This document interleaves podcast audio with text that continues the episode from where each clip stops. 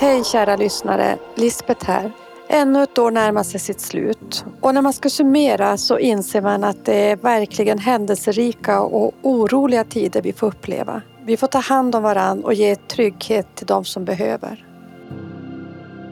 Vi ser att man gör stora framsteg i både kommuner och regioner när det kommer till omställningen till nära vård. Och vi kommer såklart att fortsätta stödja och följa utvecklingen under 2023.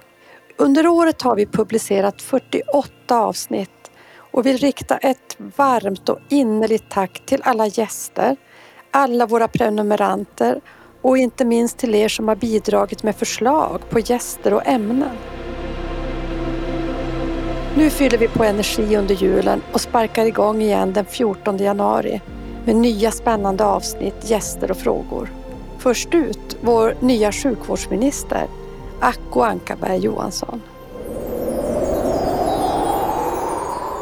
Men det gör det ju eftersom riksdagen har fattat nödvändiga beslut till följd av de utredningar då som Anna Nergård har hållit i. Sen finns det fler propositioner som jag tror att vi kan lägga fram för att stödja utvecklingen. Mm. Men den är beslutad av riksdagen och jag är lite sådär formell. Har man beslutat det, det är den högsta beslutande organet vi har i Sverige, riksdagen, mm. så gäller mm. det. Ha nu en riktigt god jul och ett gott nytt år.